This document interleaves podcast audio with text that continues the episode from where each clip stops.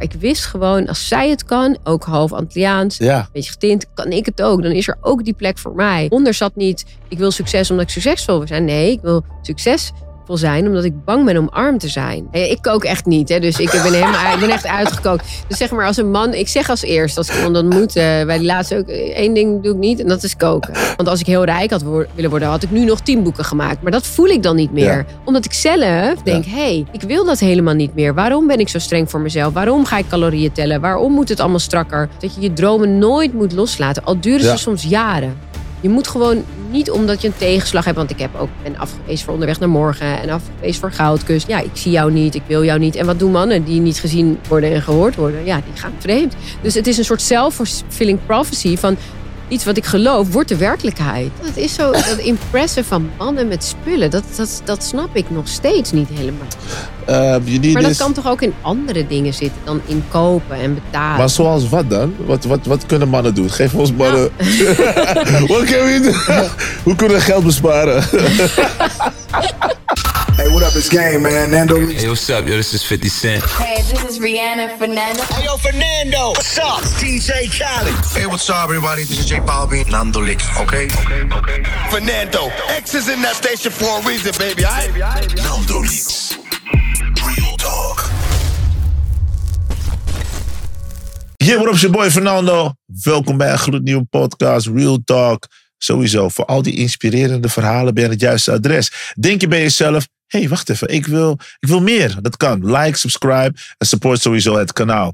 Kijk je via YouTube, gewoon liken, subscriben, blijf reageren. Luister je via Spotify, geef gewoon vijf sterren. Gewoon, het is belangrijk voor de algoritme. Jazeker. Dus eh, als je ervan houdt, support the movement. Vandaag heb ik iemand in de beelden. Niet zomaar een beelden. Zij is een superster. Ik volg haar al jaren. Ik ken haar al jaren. Ik heb haar zien ontwikkelen. Ze begon als actrice, maar tegenwoordig is ze alles eigenlijk. Onderneemster, anything. killer body heeft ze, killer mindset. Zij weet vanuit niets iets te creëren. Een van de fundamentele dingen van hip-hop. Ik zeg altijd, als het denkbaar is, is het mogelijk. Dat is iets wat zij heeft bewezen, meerdere malen. Vandaag in deze podcast ga je haar leren kennen op een hele andere manier. Je gaat leren waar haar haar, haar hossel vandaan komt. Die motivatie, die grind. En besef, ik heb hier haar allernieuwste boek. Ze heeft meer dan 300.000 boeken al verkocht. Hoor hè? 300.000 boeken. Me Jesus. Vandaag, de dame met de killer mindset. Fire Laurens, welkom in mijn podcast. Dankjewel, Fernando, Zo. voor deze introductie. Nee, maar dit is, dit is eh, ik ben, eh, ik zeg het ook off-air tegen me, ik zeg het ook on-air tegen Ik ben heel erg trots op jou. Ja, dat zeg je altijd. Vind ik heel lief. Want eh, jij hebt letterlijk alles waargemaakt wat je wilde doen in je hoofd. Ja, daar gaat dit boek over. Ja, het is, het is, het is, het is killer Ja, mindset Het 12 is stappen waar. naar de beste versie van jezelf. Maar is dit wat jij dus allemaal bereikt, is dat zeg maar aangeleerd of zit dat gewoon in jouw DNA? Nou, dat heb ik me wel afgevraagd. Maar daar gaat dit boek wel over, want ik ben natuurlijk ook altijd bezig met zelfonderzoek. Het is een groot gedeelte je blauwdruk. En je blauwdruk bestaat niet alleen uit je DNA, maar ook uit je opvoeding. Ja. Maar ook uit je culturele achtergrond, ehm, omgeving. Je wordt gevormd door de dingen die er in je leven zijn gebeurd. Dus al die dingen samen zijn je blauwdruk. En die bepalen wat jij doet en waarom je di- dingen doet zoals je doet. Ja. Dus als je niet gelukkig bent met je leven, dan is het ook eh, wijs om naar die blauwdruk te gaan kijken van waarom doe ik wat ik doe. Maar ik ben in principe heel gelukkig met wat ik doe. En ik, maar toch ben ik er naar gaan kijken van waarom lukt mij nou alles en mijn broertje bijvoorbeeld niet. Ja. Wa- Waar ligt dat verschil? En toen kwam ik er ook achter, want ik denk, ja, we hebben toch hetzelfde huis opgegroeid. Maar je hebt niet zoiets als hetzelfde huis opgegroeid, dezelfde omgeving. Want als ik opgetild word, kijk mijn broertje toe en is hij misschien wel jaloers. En heeft hij als eerste trauma omdat hij denkt dat hij er niet bij hoort. Ah, Dus ja. je hebt altijd een andere opvoeding in, binnen een huis. Dus je wordt gewoon ook anders dan je broertjes en zusjes. Maar daarnaast heb ik ook een andere vader, Antilliaans vader. En die was heel temperamentvol. En die hebben mijn broertjes en zusjes ook niet. Dus ik heb zeker temperament van mijn vader. Het vuur van mijn vader. Spiritualiteit van mijn moeder. En dan heb ik gewoon de nodige ellende eigenlijk meegemaakt. Die je nodig hebt als kind om mee te maken. Om te zeggen, zo wil ik nooit worden. Ja. Ik wil nooit zonder geld zitten. Ik wil nooit uit een uitkering leven. Ik wil, wat wil ik wel? Dat is een hele belangrijke les die mijn moeder me leerde. Van niet zeggen wat je niet wil. Maar wat wil je wel? Daar heeft ze mij heel erg als kind in getraind. Want ik zei altijd... Mijn moeder heeft dan vier kinderen van drie verschillende mannen. Ik wil nooit verschillende mannen. Nou, kijk wat ik heb. Allemaal verschillende mannen. Allemaal verschillende kinderen van verschillende mannen of twee. Dus eigenlijk omdat ik daar zo op focuste, heb ik dat gekregen. Ja. En ik heb het met alles goed gedaan, behalve met mannen. Maar dat is een ander verhaal. Dus met, eh, met al mijn successen heb ik gedacht, dat wil ik. Daar ga ik voor. ja. En gewoon gefocust daarop. En het dan ook gekregen. Want was je altijd zo of is het zeg maar ontstaan? Want op een gegeven moment je begon je carrière als actrice. Althans, wij kennen jou als actrice. Was dat op dat moment jouw grootste droom? Ja, ik eh, wilde als twaalfjarig meisje in Goede Tijden, Slechte Tijden spelen. Ik zat in groep 8. Goede Tijden, Slechte Tijden was er. En Onderweg naar Morgen was er volgens mij nog niet. Dat was de enige serie op tv. Ja, en Kees en Co of zoiets. Of weet ik wel wat Ja. je vroeger had. Ja. En ik wist heel snel, daar ga ik inspelen. En ik heb gisteren Katja Schuurman een boek opgestuurd. En daar heb ik letterlijk ingeschreven. Toen jij in de serie kwam lopen, wist ik, dat wil ik ook. Jij was mijn voorbeeld. Want ik zag haar de serie inlopen en ik vergeet het niet meer. Ik weet nog waar ik stond, hoe oud Ja. ik was. En zij kwam met die boskrullen zo die serie inlopen. En toen dacht ik, waarom hebben ze mij niet gebeld? Want ik sta ook bij dat castingbureau ingeschreven. Ja. Ik heb ook die krullen. Ik was vijf jaar jonger. Ik was Ja. een heel jong meisje. Eh, maar ik wist gewoon, als zij het kan, ook half Antilliaans, Ja. een beetje getint, kan ik het ook. Dan is er ook die plek voor mij. En ik heb dat gewoon nooit losgelaten. Wauw. Ik ben daar gewoon alles voor gaan doen. Van inschrijven tot het castingbureau. Tot iedere keer met je foto's opnieuw langs gaan. Tot acteercursussen. En dan was ik er weer. En dan was ik er weer. En dan belde ik weer aan. En toen werd ik ondertussen was ik, twa- toen was ik 12. En ondertussen was ik 21. Was ik eh, bijstandsmoeder geworden. Maar ik had mijn droom nooit eh, vergeten. nee, ik heb nooit losgelaten. Dus toen, toen Irene, mijn dochter, zes maanden oud was, ben ik met haar op mijn hand. Ik zag er weer een beetje normaal uit. Mijn plofgezicht was weg. Toen ben ik naar dat castingbureau weer gaan. Weer mijn nieuwe foto's. Ja. En toen, eh, toen zagen ze Irem en toen zei ze, wil zij niet in de serie spelen? En toen zei ik, ja hoor. En toen was zij baby Lucas geworden.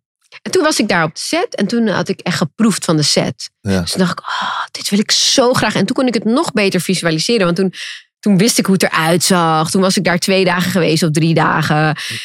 En toen dacht ik, ja nee, dit wil ik, dit wil ik. En toen bleef ik op de website kijken. En op een gegeven moment vroegen ze dus een Marokkaans meisje. 23 jaar met aantoonbare acteerervaring. Ik had het alle drie niet. Ik was 21, ik was niet Marokkaans en ik had geen aantoonbare acteerervaring. Ja. Maar ik wist wel, die rol is van mij. En dat voel je hier. Het gaat als een soort van kippenvel over je heen. Je weet gewoon nu, nu, nu heb ik hem. Ja. Dus ik mailen een- motivatiebrief met een foto waar ik zo Marokkaans mogelijk eruit zag. En toen heb ik auditie gedaan en uit met 40 meisjes en ben ik het uiteindelijk geworden. Freaking. Maar wat dat verhaal zegt, want ik vertel dit verhaal ook een beetje in het boek volgens mij. Wat het verhaal zegt is dat je je dromen nooit moet loslaten. Al duren ze Ja. soms jaren. Je moet gewoon niet omdat je een tegenslag hebt. Want ik heb ook, ben afgewezen voor Onderweg naar Morgen. En afgewezen voor Goudkust. Allemaal omdat er iets beters was. Want Ja. Goede Tijden was nummer één. Dus als je leert van... Als het niet lukt, dan is er iets beters voor je. Dan zit je ook niet meer met het Ja. feit dat het niet gelukt is. Dan kan je het veel sneller loslaten. Waardoor je veel sneller in een lekker gevoel weer zit. Want Zeker. anders blijf je met het wat niet is gelukt. Waardoor je meer succes aantrekt. Maar ook bijzonder dat je moeder werd. En dan krijg je leven een andere wending. Althans, weet je, je gaat om andere dingen denken. Maar je liet de droom nooit los. En sterker nog, je ging met je kindje daar.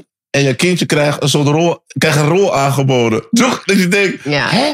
Dus als een soort, ik weet niet. Ik vind het wel mooi eigenlijk. Dat, Ja, dat- het moest gewoon zo zijn. ja, Ja, en, en mijn moeder heeft me echt leren eh, visualiseren en vragen aan het universum en dan te krijgen, zeg maar. Maar mijn moeder gelooft daar nu weer niet meer in. Daar had ik laatst een gesprek mee. En die gelooft nu weer dat het lot is bepaald en dat je script er is. Ik zeg, mam, jij hebt mij dit zelf geleerd. Maar ik ga nu niet meer met jou mee zijn. Ik geloof gewoon nu dat, het- dat ik het gewoon creëer. die heeft gewoon een nieuw, nieuw, Ja, nieuwe realiteit. nieuws. eh, Die heeft ja. weer iets nieuws nu. Ja, maar wel mooi, want misschien had je dat, die informatie nodig om te worden wie je nu bent. Dus zeg Ja. maar dat wat zij jou gaf op dat moment was nodig om te worden wie je bent. Ja. Want doordat zij op dat moment dat geloofde. Heeft En het mij heeft geleerd, ja. En, en leer je dit ook je kids ook? Zeg maar wat jouw moeder jou geleerd Ja. heeft? Maar mijn kinderen zijn heel anders. En ik ben een ander voorbeeld. Kijk, mijn, dat is de tweede, die opvoeding van je blauwdruk. Je, ik wilde niet arm worden, omdat ik arm was thuis. Dus zeg maar, mijn hele motivatie om rijk te worden kwam uit angst om arm te zijn. En dat is niet een goede motivatie, want dan ontvang je, dan word je nooit rustig. Want eigenlijk is er een soort van gevoel hierachter wat altijd denkt, wat als het er niet meer is? En daar ben ik wel mee aan de slag gegaan, want mijn agenda was zo vol. En in 2019 klapte ik bijna uit elkaar. En ik dacht, als, je, als ik het geld dat ik nu verdien, als ik dat had gedacht dat ik tien jaar geleden, dan zou ik denken, oh, ik hoef niet meer te stressen. Maar waarom stress ik dan nu nog steeds? Terwijl het meer is geworden. Ja. En toen kwam ik dus achter die, dat thema van angst. Eronder zat niet, ik wil succes omdat ik succesvol wil zijn. Nee, ik wil succesvol zijn omdat ik bang ben om arm te zijn. Ah, En, en die angst moest ik oplossen. Dus dat trauma van mijn jeugd en geen geld hebben. En te zien dat je moeder afhankelijk is van een man. Wat ik, wat dat geeft, dat is nu mijn hele thema waarom ik alleen ben. Dus omdat ik zag dat mijn moeder afhankelijk was van een man. Die man behandelde haar niet helemaal goed. Maar we zitten in die situatie. We kunnen niet weg, want we hebben geen eigen huis. En we, weet je zo. En de kinderen zijn ook niet oké daarin. En dat allemaal bij elkaar heeft ervoor gezorgd dat ik al heel vroeg heb bepaald. Ik ga het alleen doen. Ik wil mijn eigen geld verdienen. En mannen zijn niet te vertrouwen. Alleen nu ben ik 42, denk ik, ja, fai. Ik zoek onbewust continu mannen op die niet te vertrouwen zijn. Omdat ik onbewust gaat je brein zoeken naar bewijs Ja. dat dat zo is. Ja. Dat wat jij gelooft de waarheid is. Snap je? En wat is de nieuwe waarheid die je zelf vertelt? Waar nou, je nu zelf... denk ik, oké, nu heb ik dat helemaal achter, achterhaald. En mijn vader zei dan ook nog eens een keer... Ik had Antilliaanse vader is overleden toen ik 21 was. Niet zoals je moeder worden, hè. En ga op je eigen benen staan. Eh, je moet hard werken. Als je huur niet kan betalen, dan moet je in die kleine gaan wonen, maar harder gaan werken. En dan zei hij ook nog van, niet mannen vertrouwen, hè. Zorg dat je je eigen geld verdient. Dus ik dacht, oh. Dus aan de ene kant liet hij mij ook nog eens een keer zien dat hij er niet was. Want hij was er niet. Dus inderdaad, mannen zijn niet vrouwen. En waar ben jij? En als hij kwam, had hij altijd een preek. Weet je wel? En dan was het altijd dit. En dan zag ik aan de andere kant mijn moeder struggle met die mannen. Dus allemaal gelaagd, gelaagd, gelaagd. Oké, mannen zijn echt niet vertrouwen, ga het zelf doen.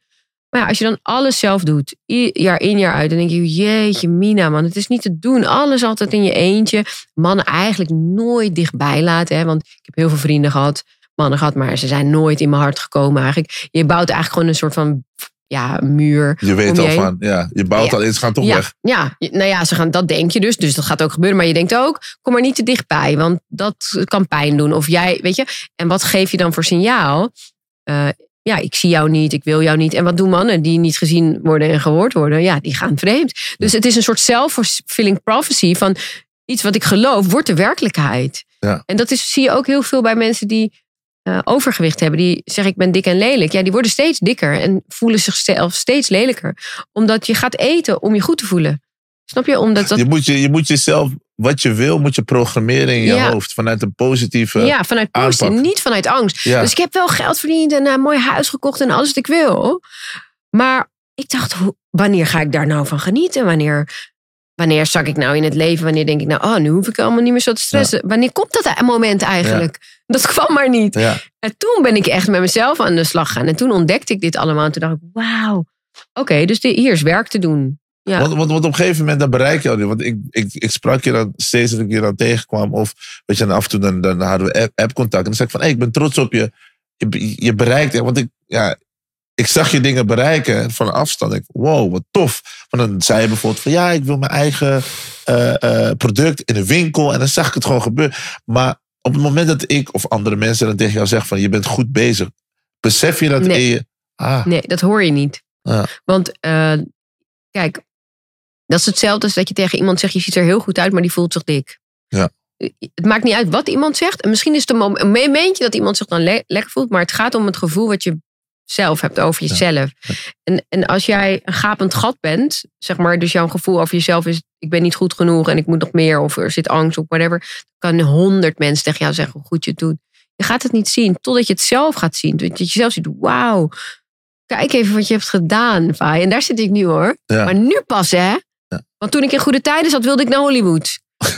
Ja. En, en weet je wel, en ik ben naar Hollywood gegaan, hè? En ik Ja? kreeg een manager en een agent. En toen besefte ik me, hoe ga ik dat doen met dat kind? Want ik had natuurlijk mijn, mijn dochter, die was toen drie.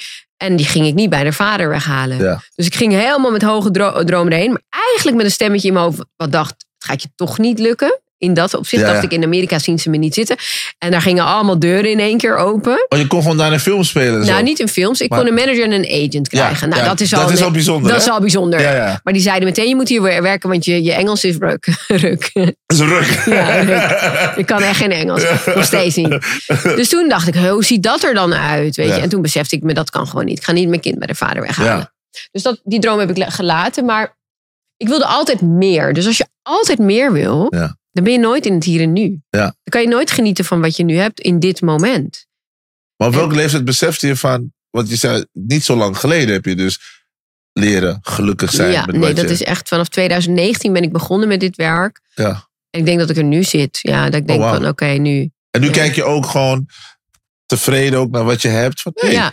Nou, nu wil ik van mijn huis af, want het is veel te groot. Oh, oké. Want, mijn, want mijn ego hoeft niet meer gevoed. Want mijn, eh, het gaat ook een heel stukje over die erkenning die ik niet heb gehad van, van vader, weet je wel. Ja. Die altijd maar preekte, maar eigenlijk nooit een keer tegen me zei: Wat doe je het goed? Ja. Sterker nog, hij zei: Je kan niks. Je hebt geen talent. Dus, en ik weet dat die woorden ervoor hebben gezorgd wat ik nu heb. Maar die hebben er ook voor gezorgd dat het nooit genoeg was. Dat ik er nooit van kon genieten. En nu kan ik dat wel. Nu, nu kan ik mezelf waarderen. Nu heb ik tegen mezelf gezegd: Jezus, Vaai, kijk even wat je Ja. hebt neergezet. ja. is niet normaal. Maar besef, hè, wat voor impact. De opvoeding heeft. Ja, ja, maar gewoon wat. maar ook één wat- zinnetje. ja. hè? Ja, Het hoeft maar één zinnetje te zijn. Het, het is niet altijd meteen dat iemand heel zwaar mishandeld moet zijn geweest om getraumatiseerd te zijn in zijn jeugd. Weet je, ik, ben, ik heb echt alles afgepeld. Ik ben zo diep gaan zoeken naar waarom ik ben wie ik ben en waarom ik doe wat ik doe. En ook met mijn borsten bijvoorbeeld. Dat die, dat die, die heb ik er dan uitgehaald 2,5 jaar geleden. En, maar toen ik dat ging doen, ging ik een heel proces ook aan met wanneer zijn ze eigenlijk gekomen en waarom zijn ze er geweest. en waarom, waarom kwamen ze? Nou, toen ontdekte ik dus dat ik als kind werd mijn haar altijd kort geknipt. Want ik heb best wel eh, veel krullen. Mijn moeder is Nederlands en die ging dat kammen. Dus het werd helemaal zo. Zij wist niet zo goed wat ze daarmee moest. En toen had ik een keer hoofdluis. Nou, mijn moeder raakte helemaal in paniek. Was het eerste kind, allemaal eitjes door het hele haar. Dus die is toen met een schaar gewoon voor het raam zo gaan knippen. En ik moest stilzitten. Ik vergeet het nooit meer. Het is natuurlijk als meisje verschrikkelijk. Dus toen had ik allemaal kale plekjes op mijn hoofd. En daar moest ik mee naar school. Toen had ik een doekje om mijn haar gebonden. En dat moest ik van de juf afdoen. En vertellen wat er aan de hand was met mij. Dus ik was vanaf dat moment voor mijn gevoel het meisje met de hoofdluis. Dat is echt, je schaamt je als kind. Ja. Dus als ik ook bij vriendinnetjes ging spelen, wilden die moeders eerst op mijn hoofd kijken of ik geen luis meebracht. En we waren al een aparte familie met aparte namen, eh Hindoeïstisch eh, geloof, et cetera. Dus we waren al anders, weet je wel. Dus ik voelde me heel erg anders en vooral niet vrouwelijk met dat korte haar. En we hadden ook altijd tweedehands kleding en nooit echt meisjeskleding. Ik eh, kreeg gewoon aan wat er was, snap je? Dus toen eh, was er één moment een keer in Centerparks of zo'n soort Centerparks waar we dan na- naartoe op vakantie gingen, dat ik heel graag een, zwempak of een bikini aan wilde. En toen zei mijn stiefvader, je hebt nog helemaal niks. Dus toen trek gewoon die zwembroek aan die er was, weet je, van mijn broertjes of zo. En ik heb daar ook nog een foto van met kort haar in een zwembroek. Ja, dat is echt een van de, kan ik nu gewoon nog weer om huilen, verdrietigste momenten in mijn leven geweest. Dat ik gewoon mezelf, zeg maar, een jongetje voelde, terwijl ik een meisje was. En ehm, toen ik dus borsten kreeg, voelde ik me opeens meisje, weet je wel. En toen ben ik heel snel, ik ben heel vroeg uit huis gegaan op mijn 16e, in de beachclub gaan werken. En toen was die tijd van Pamela Anderson en alles. En ik stond in mijn bikini en ik werd, eh, ik kreeg, werd beloond door mijn lichaam. Dus mannen eh, kochten bij mij de meeste breezers. En ik had altijd top omzet en iedereen zag me staan. Dus ik werd gezien. Ja. En, en, en, daar ben ik eigenlijk in verder gegaan. Dus ik werd zo erg gezien. En die meiden hadden allemaal neptieten in die beachclub. Dus ik wilde dat ook. En ik was toen 16. Nou, op mijn 21ste heb ik ze gecreëerd. Ik was super blij dat ik ze had. En ik zei tegen die man, zo vol mogelijk, weet je wel. Alles erin wat erin past. En toen werd ik dus wakker. En toen vond ik ze echt te klein. Ja. En toen zei ik, ik vind het te klein. Ik had gezegd dat ik groot wil. Toen dacht ik, nou, ja, kan, krijgen ze groot ook. En toen had ik die zulke tieten gekregen. Je ze krijgen ook, kring. Keer. Ja, en ik ben met die tieten in goede tijden gekomen. En, en, en, de, en de producent die zei, nou, je was niet de beste op de auditie, maar je viel wel het meest op. ja, dus weer beloond. Beloond met dat uiterlijk, met die tieten en FHM en zo. Ja. Werd ik gewoon gezien. En werd dat, ja, dat, dat innerlijke kleine meisje, wat niet werd gezien als meisje, weet je wel. Wauw. Dus toen ik, toen ik daarachter kwam, en dat dit, hier ben ik echt pas, eh, ja, toen ik mijn borsten weghaalde, drie jaar geleden, achtergekomen. Omdat ik was zo verdrietig, ik wilde ze eruit. En het is natuurlijk allemaal troep. En toen dacht ik, waarom wilde ik ze eigenlijk? En toen ben ik helemaal Wauw. naar dit teruggegaan. Wauw, en dat is toch dat moment in die. En toen weet je wat het. Als je inner child healing gaat doen, dus je gaat echt kijken van waar komt nou alles vandaan wat ik doe, dan ontdek je dus ook dat het niet altijd zo is zoals het je denkt dat het is geweest. Hoe bedoel je? Nou ja, ik dacht dat ik nooit een zwempak aan mocht. Dat ik, ik was helemaal getraumatiseerd van die ene moment. Wat natuurlijk voor mij al een heel traumatisch moment was. Want volgens mij waren er ook leuke jongetjes op dat, op dat Center Parks. En dan, ja, dan, zie je, ja, dan zie jij er zo uit, weet je wel. Dus toen, ehm, toen ging ik in, in de kinderfoto's kijken. Wat een heel belangrijk onderdeel is, vind ik, van Inner Child healing dat je ook naar je kinderfoto's terug gaat kijken. En toen zag ik allemaal foto's met een zwempak aan. Dus Ah. Het was een moment. Ik mocht Ja. ook, maar dat onthoud je niet. Je onthoudt altijd die dingen Ja, die niet goed zijn gegaan, weet je wel. true. En dan kan je het weer herprogrammeren. Want het is nooit te laat om een mooie jeugd te hebben. Ja. Je kan het nu nog anders gaan zien. En als je ook je vader of je stiefvader kan zien voor wie hij is en de man daarachter en wat hij heeft meegemaakt in zijn leven, waarom hij de keuzes maakt die hij doet, dan kan je het plekje geven allemaal. Want je had op een gegeven moment, want je had je, je, had je biologische vader.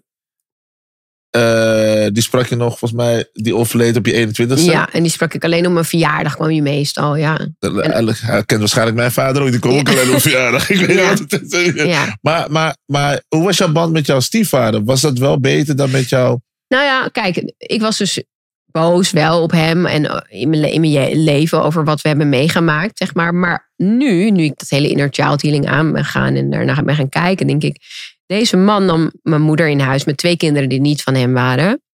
Die heeft, dat vertelde ik toevallig aan mijn broertje die ook niet van hem is, want die is dan ook nog boos, weet je, en verdrietig en getraumatiseerd over dingen die zijn gebeurd. Ja. Ik zeg maar, Reem, je, kan, je hebt ieder moment een kans om er anders naar te kijken. Ja. Want Ehm, hij nam ons ook mee naar India. Eh, Want hij- zijn heel spiritueel, weet je wel. Vier kinderen meenemen met tickets naar India in die tijd. Dat superveel geld. Zaten we op een ashram. Heb ik heel veel van geleerd. Ja. Ben, is mijn hele spirituele achtergrond van vandaan. Hij nam ons wel mee terwijl wij niet zijn kinderen waren. Hij zorgde ook dat we biologisch eten kregen. En allemaal gezond eten. Oké, hij was soms boos. En wij kregen het soms te voortduren. Maar ja, weet je. Je kan ook de mooie dingen eh, bekijken. Ja. Hij heeft het gewoon zwaar gehad. Met al die vier kinderen. Waarvan er twee niet van hem waren. Ja. Dus ja, ik heb niet per se nu een goede band. Ik ga ook niet bij hem langs of zo. Maar ik kan wel zien wat hij ons ook wel heeft gebracht. Je hebt het afgesloten als een soort fase. Ja, Van jij was in die periode, heb jij ook dat als positief gedaan. En Ja. ik focus me niet meer op het negatieve. ja. ja hij heeft dus- ook zijn best gedaan. En ik geloof wel heel erg dat ouders doen wat ze kunnen. Ja, soms weten ze toch niet wat ze aan het doen. Want het is eigenlijk gewoon, er bestaat geen blauwdruk of, Nee. of freaking handleiding voor dit. Want je doet, je, je, je doet maar wat. En joh, Ja, en wat ik zeg, je doet het voor het ene kind wel goed. En het andere kind vindt dat dus helemaal niet Klopt. goed wat je doet. Snap Ja. je wat ik bedoel? maar ik denk dat elk kind ook zijn eigen...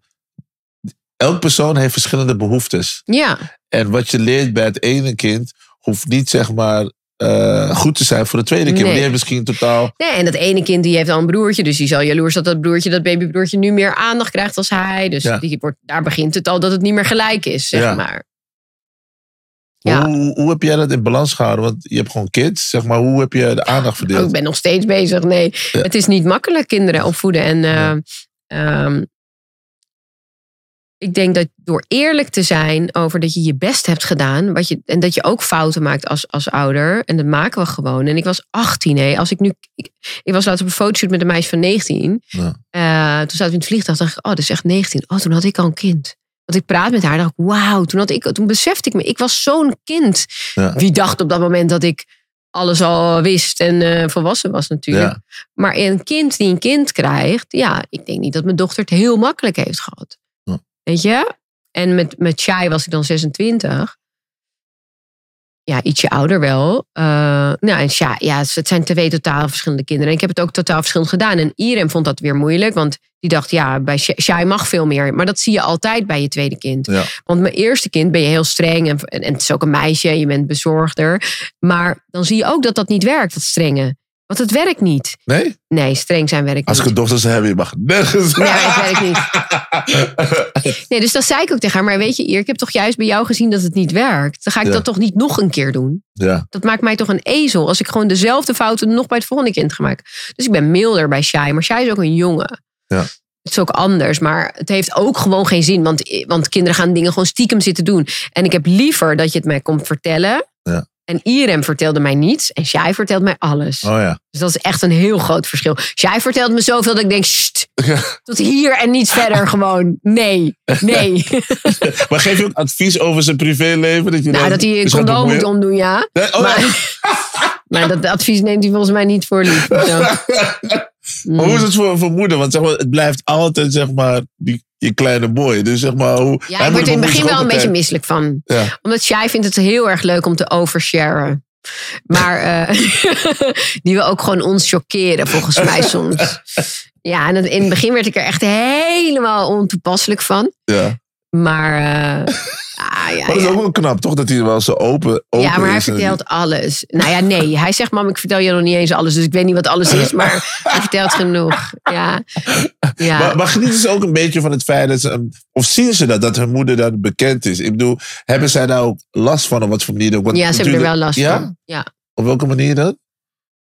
Eh Shai vindt het echt heel erg. Die zal je ook niet zo snel op mijn Instagram zien. Die heeft nu toevallig op zijn verjaardag nog een foto posten. Maar die wil, ehm, die wil niet bekend zijn. Dus die komt niet op mijn boeklancering. Eh, die wil gewoon niet in de media.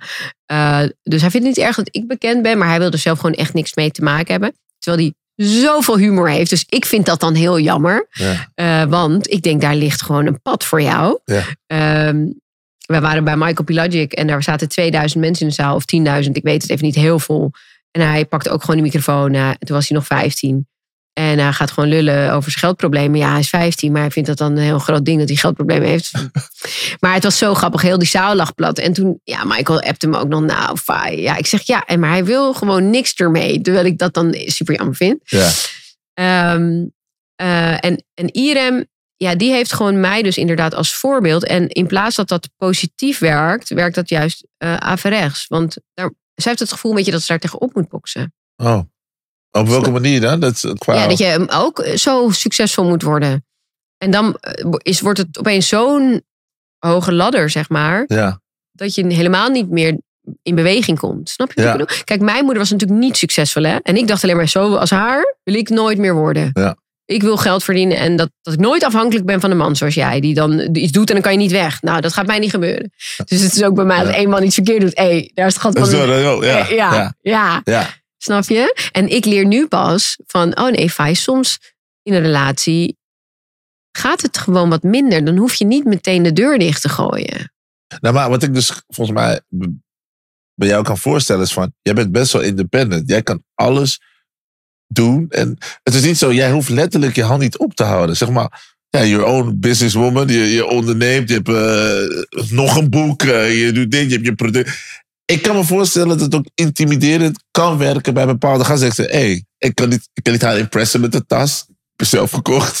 ik kan niet impressen met de auto. Nee, weet je wat het is zo? Dat impressen van mannen met spullen, dat, dat, dat snap ik nog steeds niet helemaal. Dat is, Wat is dat eigenlijk? Nou, Leg jij me dat eens uit. Ja, nou, het impressen heeft eigenlijk met dit te maken. Omdat ehm, dat, is, dat komt vanuit het feit dat mannen zoiets hebben van... ik moet voor jou kunnen zorgen. Op wat voor manier dan ook. Dus ik kan voor, ehm, bijvoorbeeld qua huis... stel je voor wij zijn samen. Jij regelt alles in het huis. I fix the house. Ik geef je een auto. Ik geef je... Ik, ik, ik, ik geef aan van wat mijn toevoeging is in your life. Ik zorg voor jou. Maar als je al die dingen wegneemt Ja, en ik doe niks in het huis en ik heb niet echt een andere toegevoegde waarde. Dat is onze love language meestal. Van ja, ik zorg gewoon, you're good. Uh, you need maar dat this. kan toch ook in andere dingen zitten dan in kopen en betalen? Maar zoals wat dan? Wat, wat, wat kunnen mannen doen? Geef ons mannen. Nou. Doen? Hoe kunnen we geld besparen? Nou, het kopen is zo korte termijn dopamine, weet je wel. Het gaat denk ik om de connectie die je met iemand hebt en die kwetsbaarheid die je naar elkaar wil eh, zijn. En dat je eh, ook durft eh, te zeggen dat je onzeker bent. Voor mij komt het een beetje over, al die cadeaus geven. Kijk mij, kijk mij. Ego. het je goed voelen omdat je iemand anders iets geeft. Ehm, het is heel leuk hoor om iets te krijgen. Maar het moet niet je love language zijn, denk ik. Ik Ja. denk dat een echte connectie, intimiteit heel belangrijk is. Dus dat je, dus dat je elkaar ziet. Dat, je, dat je elkaar hoort, dat je elkaar ziet. En dat je eh, eh, er voor elkaar bent als je elkaar nodig hebt. En dat je een kopje koffie voor iemand zet. Of ehm, weet eh, dat iemand een hele lange dag heeft gehad. Dat je een bad vol laat lopen. Oké, Of- meer die attente dingen. Ja, gewoon Maar maar. ons oh, brein werkt niet. Oh, ik, Nee? probeer te generaliseren. Ja. Ons brein gaat niet zo snel daar. Ik denk dat daarom vaak. ook dingen een- Ja, doen ze- details. Details. Kijk, mannen Ja. onthouden nooit zoveel dingen. En dan denk ik, Jezus, luister je wel, weet je wel. Ja, maar dat is, kijk, en dat is ook interessant, omdat vrouwen hebben heel vaak van, eh, ze voelen zich niet gezien, omdat wij zitten niet op details en Nee. vrouwen weer wel. ja. Een vrouw ziet bijvoorbeeld van, maar je ziet toch dat ik elke dag om vier uur thuis kom, of weet ik veel, zes Ja. uur, en dan zit ik met pijn in mijn voeten, zo te bladeren, dat ik hoofdpijn heb. Ja. De- in een vrouwderhoofd is Ja. van je kan me toch ook masseren of je kan eh, in plaats dat ik weer moet koken, dan kan jij toch iets overnemen of Ja, dit, dit. ik kook echt niet, hè, dus ik ben, helemaal, ik ben echt uitgekookt. Dus zeg maar, als een man, ik zeg als eerst, als ik iemand ontmoet, eh bij laatste ook, eh, één ding doe ik niet en dat is koken. nou, ik laat de details verder weg. Maar, maar ehm, ehm, ja, als iemand dan weet van dat wil, vindt ze echt. Ja, als ik zo'n hele dag, lange dag heb gewerkt en dan moet ik nog gaan koken. Hé, rot op. Mij zou je super blij maken als je hebt gekookt. Maar dat vind ik ook niet heel sexy als een man iedere dag staat te koken. Maar in ieder geval het eten gewoon fixt. Of me mee uit eten neemt. Gewoon bellen, keer man. Gewoon- gewoon, ja, eh, gewoon bellen. gewoon, Gewoon gewoon iets. let's nou go. ja, niet elke dag. Maar, en af en toe ook wel koken hoor. Maar eh, dat ik dat echt niet hoef te doen. Dat, Maar, maar waarom heb je dat? Want, want kan, je, kan je niet koken of kan je ja, wel kijk, ik koken? kan heel goed koken, maar meer Surinaams. Maar dat is het beste toch? Dat is, Nee, dat is niet zo gezond. dat is wel lekker. Ja, ja, maar, ik, eh, ja, maar het is heel veel bouillonblok natuurlijk. En eh, zo, eh, ketchup en dat soort dingen. Ja, Dus, en toen ik dus in die gezonde vibe ging in 2016. dan heb je het. Toen, ja, toen ging gezond koken kan ik niet zo lekker. Ja. Dus toen werd het een gezond zonder smaak. En dat is niet. Dat is gewoon niet Maar dan gooi gewoon ketchup erop. Nee, maar ja, dat kan dus niet meer dan, weet je wel. Dus nou, dan doe ik wel eens vis in de oven met spruitjes of zo. Maar, ja. eh, maar gewoon als ik bami maak of roti. Of eh, Ja. ik kan ook sopropon maken. Maar van wie heb je dat geleerd dan? Zeg Nou, maar. ik ben eh, drie maanden. Nou, ik kon al van mijn buurvrouw vroeger. Ja. Mijn moeder had, had ik een Nederlandse buurvrouw die uit de Bijlmerramp was gekomen. En die was Nederlands, maar had, had zes kinderen, allemaal van Surinamers. En ehm, zij leerde mij echt bami maken en zo. Dan ging ik altijd bij haar leren. ja. Dus dat heb ik allemaal daar geleerd, al heel jong. Ehm, en toen ben ik ook nog drie maanden in Suriname geweest. En daar heb ik eh, van zo'n basja heb ik echt Surinaams leren koken. Oh, wauw. Dus het is gewoon jouw specialiteit. Dus Ja. you, you get down. Ja, en ik vind het ook heel lekker hoor. Maar eh, nu dat ik weet hoe ongezond het is, Ja. ga ik er niet heel vaak van genieten. Kijk, laatst ook met Shai's verjaardag. Die vindt, die, mijn zoon is hartstikke belangrijk, maar die houdt ook heel van, van dat eten. Heb ik, ja. heb ik het gewoon best- besteld bij eh Broodje Lobby. Ja. Broodje lobby. Hey, hele lekkere pom, niet. Echt? Oh my god, Ja? ik heb het gewoon ingevroren. En toen ging ik het weer eten en weer eten. Ik was drie kilo ook aangekomen daarna. Ja. Maar de- het, dan vind ik het wel lekker om het te eten. Maar dan denk ik wel elke keer, oké, het is niet gezond. Moet niet te vaak eten. Dus dat zit heel erg in mijn hoofd nu. Door dat zout. En, Maar, maar, want je zegt van gezond, want dat, dat vind ik ook altijd moeilijk. Met zeg maar gezond eten. Want het is belangrijk dat we gezond leren eten. Overal waar we komen worden we plat gegooid, kapot gegooid. Met freaking suikers. Dus overal. Maar hoe de hel kook je nou gezond? Lekker gezond. Hoe kook ja, je dat lekker vind ik gezond? dus heel moeilijk. Dat, ik snap dat niet. Nou, het kan wel, maar dan ben je echt een kok zijn, vind ik. Anders vind ik het echt gewoon konijnenvoer. Ja. Nou, een kok, als je naar een goed restaurant gaat, die kunnen dat wel met allemaal verse kruiden en zo. Ja. Maar dat is gewoon niet mijn specialiteit. Dus kies ik er gewoon voor om niet te koken. Ja, maar hoe blijf je zo in vorm? Want je bent Ge- gewoon niet eten. nee, nee, nee. gewoon nee. noten. Nou ja, nee, maar ik ben wel heel. eh, ik ben wel tegenwoordig een beetje, zeg maar, dat ik eet eh, om te eten. Dus niet. eh, Kijk, ik ben ook heel vaak alleen. Hè. Mijn zoon is 16. Nou, die slaapt heel vaak bij zijn broer, zijn halfbroer in Amsterdam. Ja. Dan zit ik hier zit ik alleen. Of ik heb in het begin wel dat ik nog met mijn biefstukje klaar zat. Dat, kwam- hij niet. Dus dat soort dingen doe ik. Ik bak een biefstukje spruitjes of vis. spruit- Dat doe ik dan even in de oven. Dat ik echt vijf minuten klaar ben. Maar ben er geen carbs? Jawel, eet ik ook wel. Maar meestal in de middag. Ik heb net gewoon een tosti gegeten. Ik eet snel. Oké. Voordat ik dan- hierheen ja. kwam, ja. Ik ben niet meer zo heel erg bezig met precies eh, mijn eiwitten en dat soort dingen. Nee, op dit moment Maar hoe blijft het in, in shape dan? Zeg trainen. maar. Ik train elke dag. Elke dag? Maar hoeveel uur dan? Anderhalf uur? Nee, nee, vanochtend heb ik pilates gedaan. Maar het is toch alleen maar rekken, toch? Of ja, pila nou- nou, pilates. Ik merk wel dat ik eh, meer triceps en zo Ja? krijg. Ja, zo, eh, Maar dat ook, is, dat is een beetje een soort... ja, ook met die eh, elastieken en zo. Het is wel zo- Ah. ja, ja, en core. Ik krijg buikspieren ervan. Ja.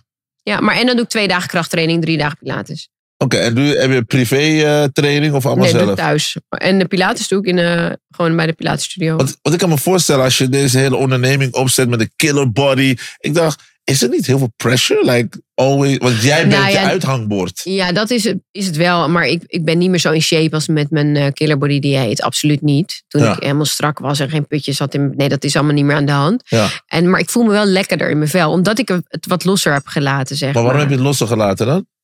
Ja, omdat het ook weer met dat ik moet, wil gezien worden... en dat ik ben niet goed genoeg thema te maken had, Ja. snap je? Dus dan wil je de hele tijd er goed uitzien om maar die erkenning te krijgen. Maar als je die erkenning dus op een gegeven moment aan jezelf geeft... dan hoeft het niet meer. Dan hoef je niet meer perfect. En ik zou je zeggen, ik ben niet echt aangekomen, snap je? Dus Nee, maar daarom zeg ik, van, Nee. hoe hou je dit in? Ja, omdat je gedachten over eten ook minder Ja.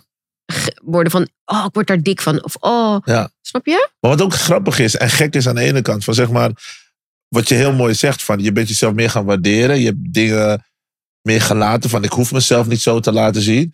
Net wat je zei met, met die borsten. Nou, daardoor viel je op bij het ene, kwam dat weer op je pad. FHM, dit en dat. Ehm, maar ook bijvoorbeeld van, ook met je fit life, die killer body, ik moet dat heeft je ook een hele imperium opgeleverd. Snap je hoe gek Ja. dat is? Dus, dus Ja, alle, eigenlijk, dat is wel heel grappig. Want alles, wat, al mijn thema's, zeg maar, worden succes. Ja, Dus zeg maar, eerst was het, ehm, nou, ik wilde actrice worden om gezien te worden. Ja. Als je helemaal afpelt, hè? Want Ja. eh, ik, die erkenning van mijn vader. Ja. Dus nu, kijk mij, kijk mij. Nou, daar, daar bouw je dan, eh, op dat thema bouw je een carrière.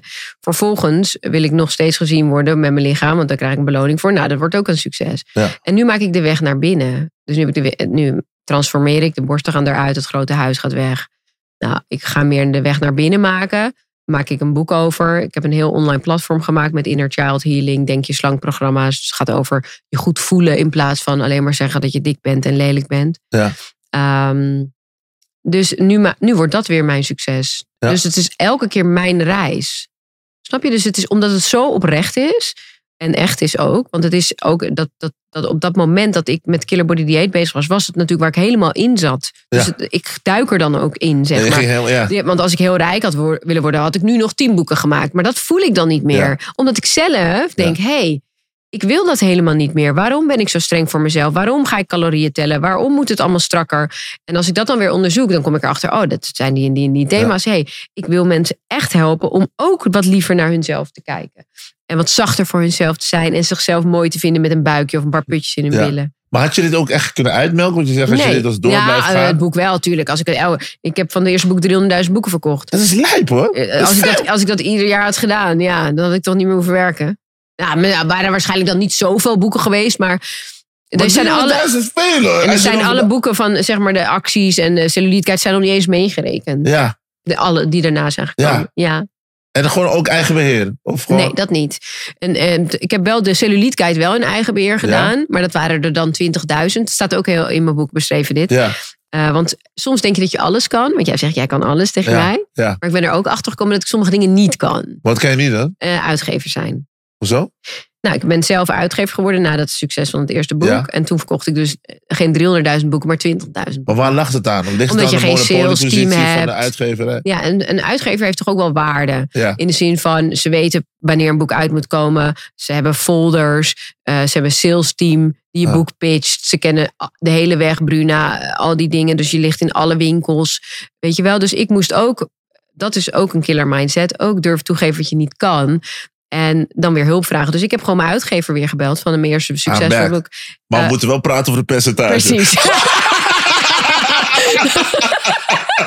Want we gaan toch verder niet? Ik ken heel veel schrijvers die naar me komen van... Hé, maar die percentage... Ja, Nee. nee, als ik had verdiend wat ik nu zou verdienen Snap- met dit boek, snap met dat vorige boek. Dat was snap je? Dat Oh was my- snap- Maar ik vind dat ze ook dat model moeten aanpassen. Want Maar dat ik- was zo. Ik, nou, het was zo. Ik was in Spanje vorig jaar in, in de zomer. En toen eh, dacht ik, ik wil een boek, toch een mindsetboek eh, doen. Oké, dat ga ik doen. Ja, ik ga het doen. Ik appte er. Wil je een 50-50 deal of niet? Ja, Ja. oké, dan gaan we praten. Ja. Maar, ja, maar ze ook weten wat je waarde is. Ja. En, en ook en wat ook natuurlijk werkt, omdat je daarvoor 300.000 exemplaren verkocht. Dus dan ben je nog eh waardevol. Want uiteindelijk willen mensen geld verdienen. Ja. Dat, is- het is gewoon een business. Ook Ja, voor waren ook wel heel blij dat ik terug was hoor. Snap je? Guess back? zo, Hey. zo ging het wel in de gang. Ja. Ja. Faya is terug. En, ja. en, en Faya, kijk, wat ook is, wat ik denk ook, kijk, wat het is met, met bekende mensen.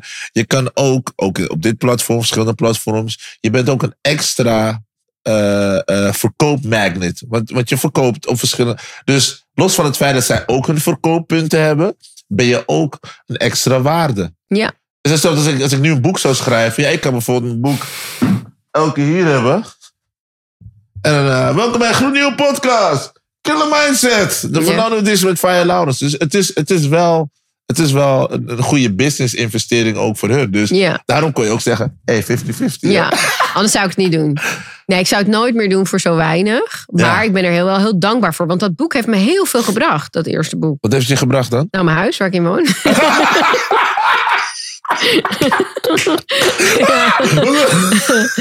ja. ja. Ja, ja, ja. eerste wat je kocht toen. Ook van toen. Ja, meteen voordat ik wist of ik het kon betalen. maar dat is het. hè. Ik geloof altijd als je echt gewoon in jezelf gelooft. En je, er komt wel een manier om het te betalen, weet je wel. Ja. Dus ik wist nog helemaal niet hoe succesvol mijn boek zou zijn. Ja. En toen kocht ik mijn ex uit, want ik had dit huis samen met hem. Ja. Ja, toen kocht ik hem uit. En toen, ja, en nu zit ik er. Nu ben ik super blij dat ik het ga verkopen weer. Want ik ga daar lekker weer van mijn overwaarde een huis in Spanje kopen. Wauw. Maar ga je, dan ga je ook blijven wonen in Spanje? Ja, nou, ik wil wel nog een appartement in Amsterdam erbij. Je ook nog-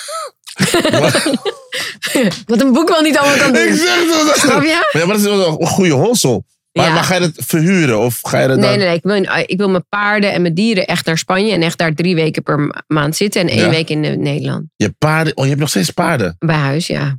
Ik en die gaan ook mee? Ja. Ah, god. ja. Maar wie gaat voor ze zorgen dan? Heb je daar, dan huur je mensen in? Of die dan... Ik zorg toch nu ook voor ze? Ja, maar als, als jij bijvoorbeeld in Nederland bent... Nou, dus of- kijk. Ik heb het afgelopen jaar een opleiding gedaan tot coach met Ja. paarden.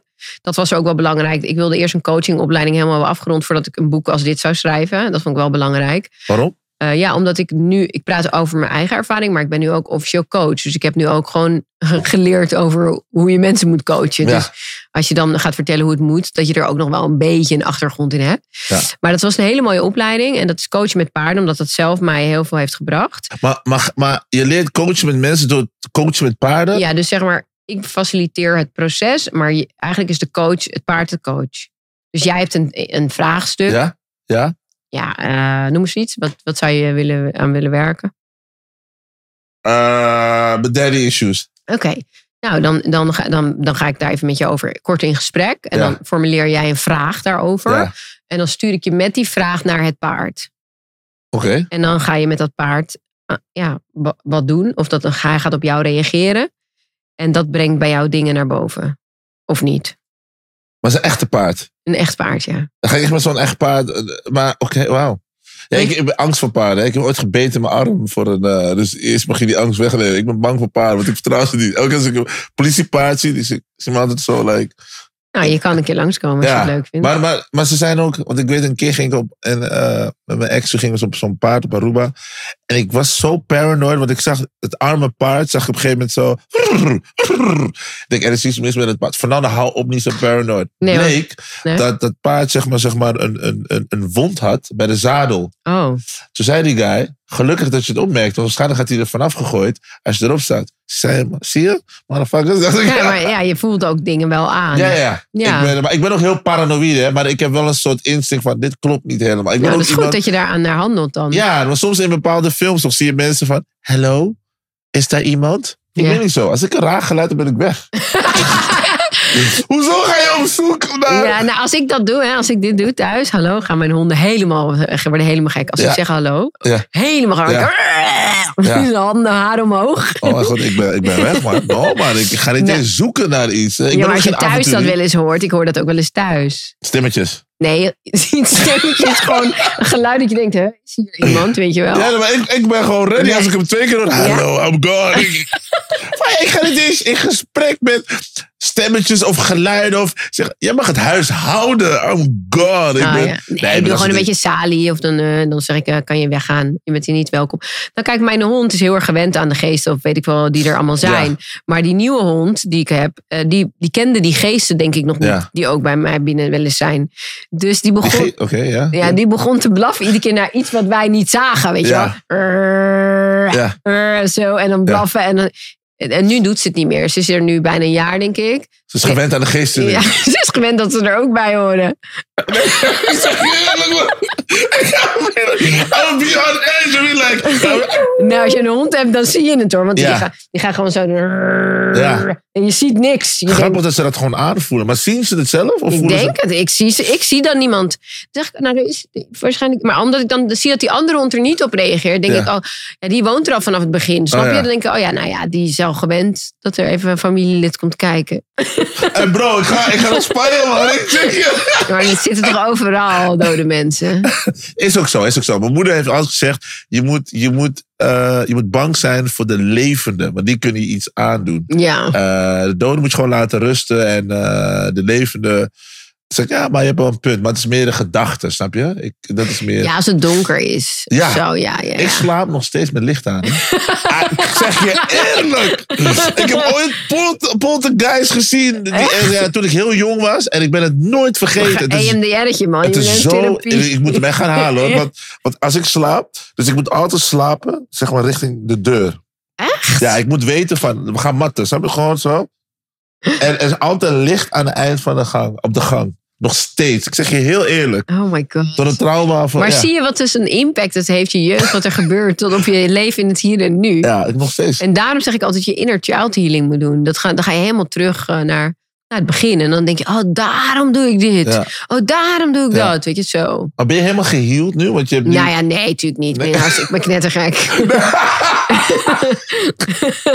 ik weet alleen nu wel waarom ik knettergek ben. Oké. Nee, maar maar Dat is het knettergek is niet altijd erg. Als je, het, als, je het, als je het weet van jezelf en je erkent het ook. Want ik heb Ja. het gevoel dat... eh, Mensen zich mooier voordoen. Ja, want ik, ik heb heel vaak mensen ontmoet in mijn leven die... Ze doen alsof ze iemand anders zijn. En daarna denk je... Hm. Who the hell is this? Ja. Snap je? En, en weet je, het is... Die mensen hebben waarschijnlijk ook hun eigen wandel en pad in hun leven... waardoor zij zo zijn als wie ze zijn. Maar ik heb zoiets van, blijf uit mijn buurt. En dan ga ik naar mezelf kijken. Waarom trek ik dat soort mensen aan? Ja, dat is heel interessant, want dat gaat wel over jezelf. Snap je wat ik bedoel? Als ik bijvoorbeeld een stoorzender zie... Want ik zit nu ook in therapie en dan, en, dan, en dan praat ik met hem erover. Dan zegt hij, we moeten even graven. We moeten even alle laagjes ervan afhalen. Want eh, ik vind het wel belangrijk om bij jezelf te kijken. Want mensen wijzen altijd naar anderen. Ja, maar jij, jij, jij. Maar luister. Drie naar jezelf. Snap je? Ja. Als je naar de ander wijst. Ja, maar de enige die je ook kunt veranderen, ben jezelf. Ja. Je kan de ander niet veranderen. Dus Ja. je moet het ook zoeken bij jezelf. Als je het anders wil, hè? Ja. Als je een ander resultaat wil. ja. Maar hoe pak jij het nu aan? Wat is nu jouw plan van aanpak? Want ik kan me voorstellen dat jouw DM altijd vol staat met... Hey. Nee, ach. Ik vraag me wel eens af wat zo iemand dan denkt. Maar aan de andere kant, aan de andere kant, hoe moet je anders, als je iemand leuk vindt, hem bereiken? Alleen, ik ben wel een beetje allergisch geworden voor mannen, denk ik. Nee, Ja. nee, nee, maar ik, nee, ik zou niet zo snel met iemand uit mijn DM eh, daten. Nee, maar hoe ontmoet jij zo? Want jij bent vaak aan het werk. Dus moet die Maar guy... mo- moet ik iemand ontmoeten? Nee, ik ben er net ik- vanaf weer. Nee, maar ik bedoel van, nee, maar ik bedoel van, van zeg maar. Want je hebt dingen aangepast in je leven waardoor je nu anders kijkt naar Ja. mannen. Nou, ik moet wel zeggen dat ik me wel een soort van verheug op het moment. Kijk, en, en ik denk dat het. Ik heb na de laatste relatiebreuk. Ben ik wel een beetje diep gegaan. En eh dat heeft heel veel pijn gedaan. Maar nu achteraf, nu ik er overheen ben, denk ik: wauw, dit had ik zo hard nodig. Nog een keer op zo op mijn bek te gaan. om nog meer te snappen wat ik, wat ik zelf doe. Ja. Eh, dat is heel duidelijk nu voor mij wat ik zelf doe. Dat gezien, ik, ik doe er niet toe, dat gezien worden thema speelt een hele grote rol. Dus ik wil gaan zorgen. Dus als iemand hulp nodig heeft, op wat voor vlak dan ook, dan, wil, Ja. dan, dan Ja. voel ik mij gezien. Dus dat, dus dat is helemaal niet gezond voor een liefdesrelatie, dat je dan weer allemaal wil gaan helpen.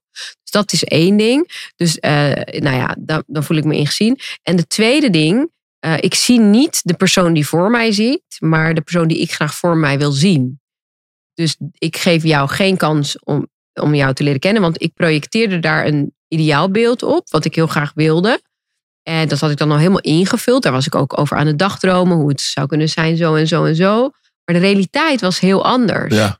Maar dat wilde ik niet zien. Dus al die red flags zie je soort van niet. Of die wil je niet zien. Ja. Eh, en je gaat iemand soort van boetseren zoals jij hem wil. Zo- Nou, je ziet dat best wel veel vrouwen die andere mannen gaan aankleden. Of ik deed dan, eh, eh, ik deed dan bijvoorbeeld eh, trainen. Weet je, Ja. even wat slanker en wat strakker. En dan is het allemaal wel leuk. Of eh, even nog eh, even wat, wat meer. Een beetje veranderen, weet je dit? Ja. Ja. en even een beetje therapietje hier, even een therapietje daar, weet je. En als je wat dit en als je mediteert, dan ben je leuk. Wel heel, wel heel grappig, want we zitten nu samen in die meditatie. En toen ging ik een keer kijken, toen was het nooit meer online geweest dat het uit was.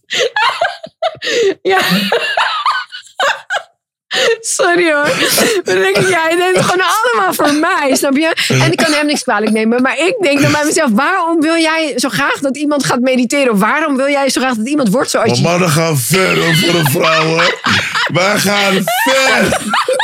maar, maar er is niks oprechts aan natuurlijk. Nee, maar weet je wat het is? Weet je wat het is wat, wat, wat mensen doen? En vanuit, vanuit, mannen, vanuit een mannen, mannelijk perspectief. ja. Mannen hebben zoiets van, maar wacht even. eh, ik wil dichter bij jou. Je voor, de man, hij gaat met jou om. Maar hij ziet dat jij dat heel belangrijk vindt. ja, dan gaat hij dat dus dat doen. denkt hij van, maar de enige manier hoe ik dichter bij haar kan komen Ja. op zo'n level is als ik dat doe. Dus ik moet even investeren. Dus hij gaat in een yoga zitten.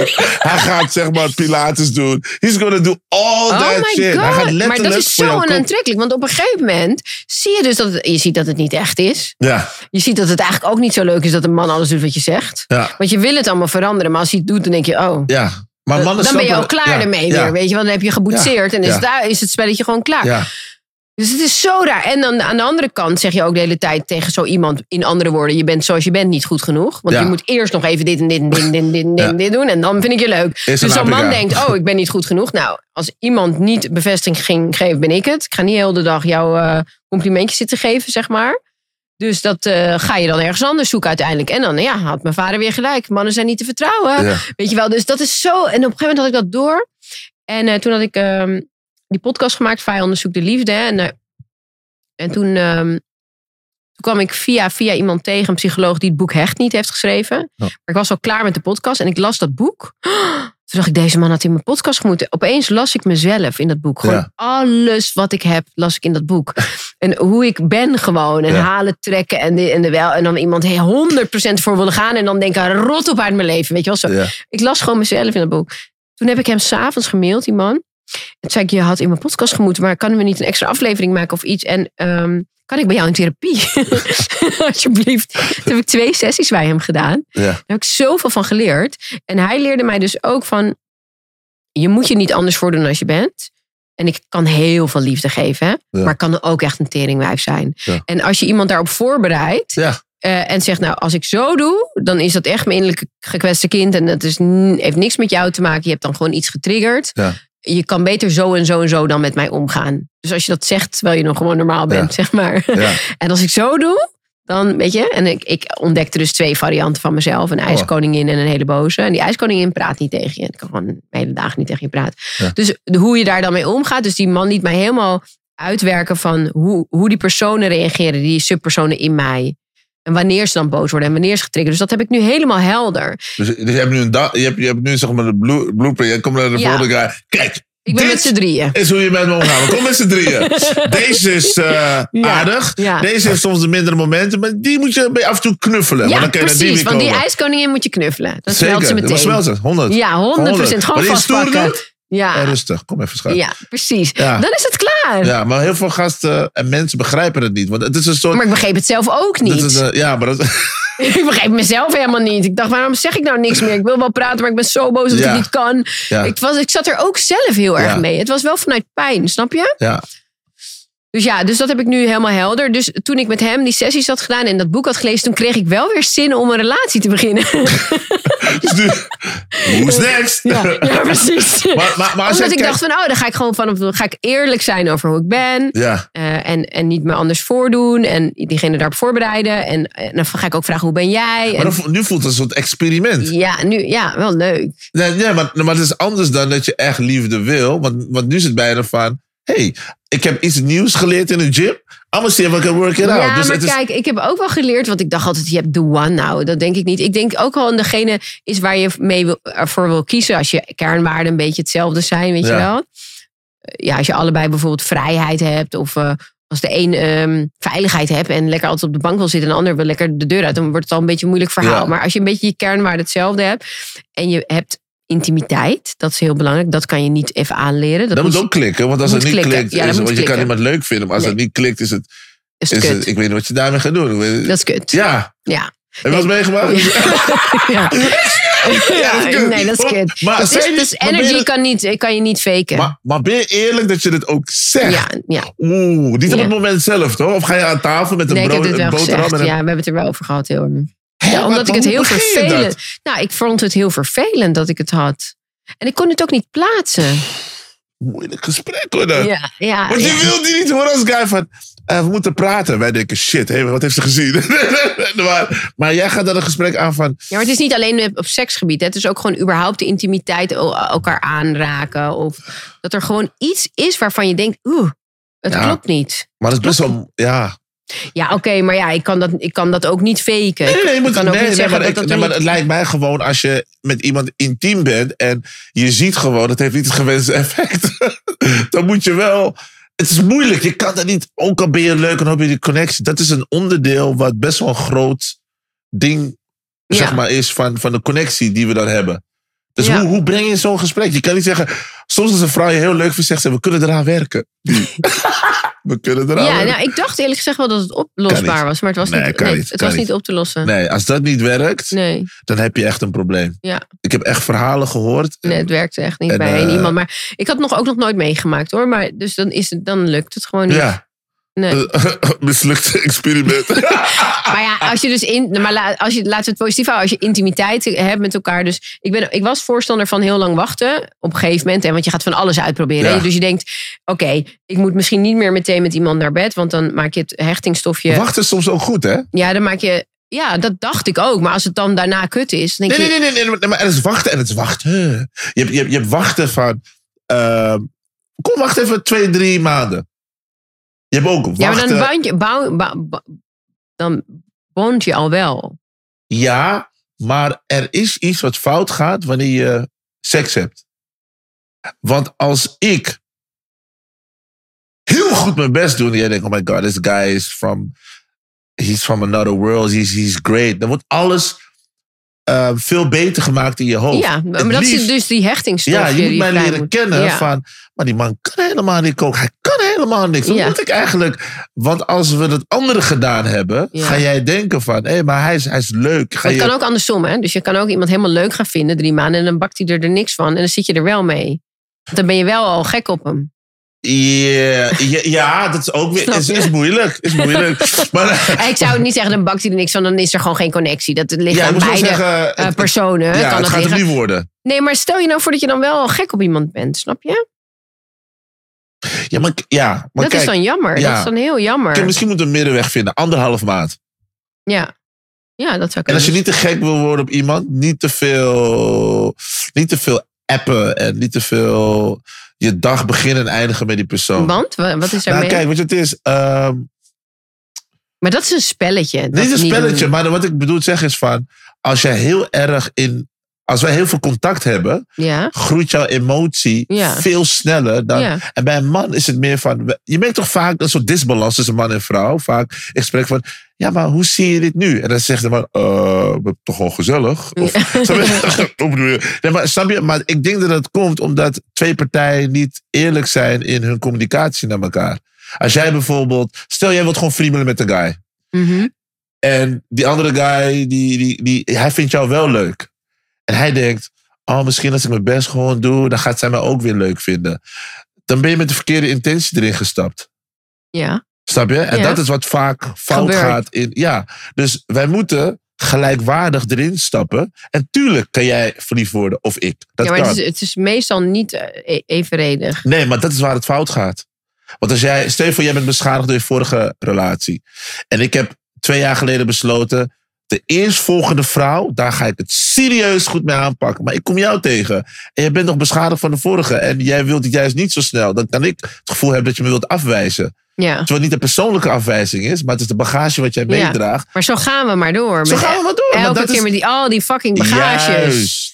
Snap je? En dat is het en soms iedereen, is. iedereen die nu met mijn leeftijd eh vrijgezel is, heeft bagage. Ja, maar, maar je, moet, je moet eigenlijk, de kunst is, dezelfde bagage hebben en naar dezelfde bestemming willen gaan.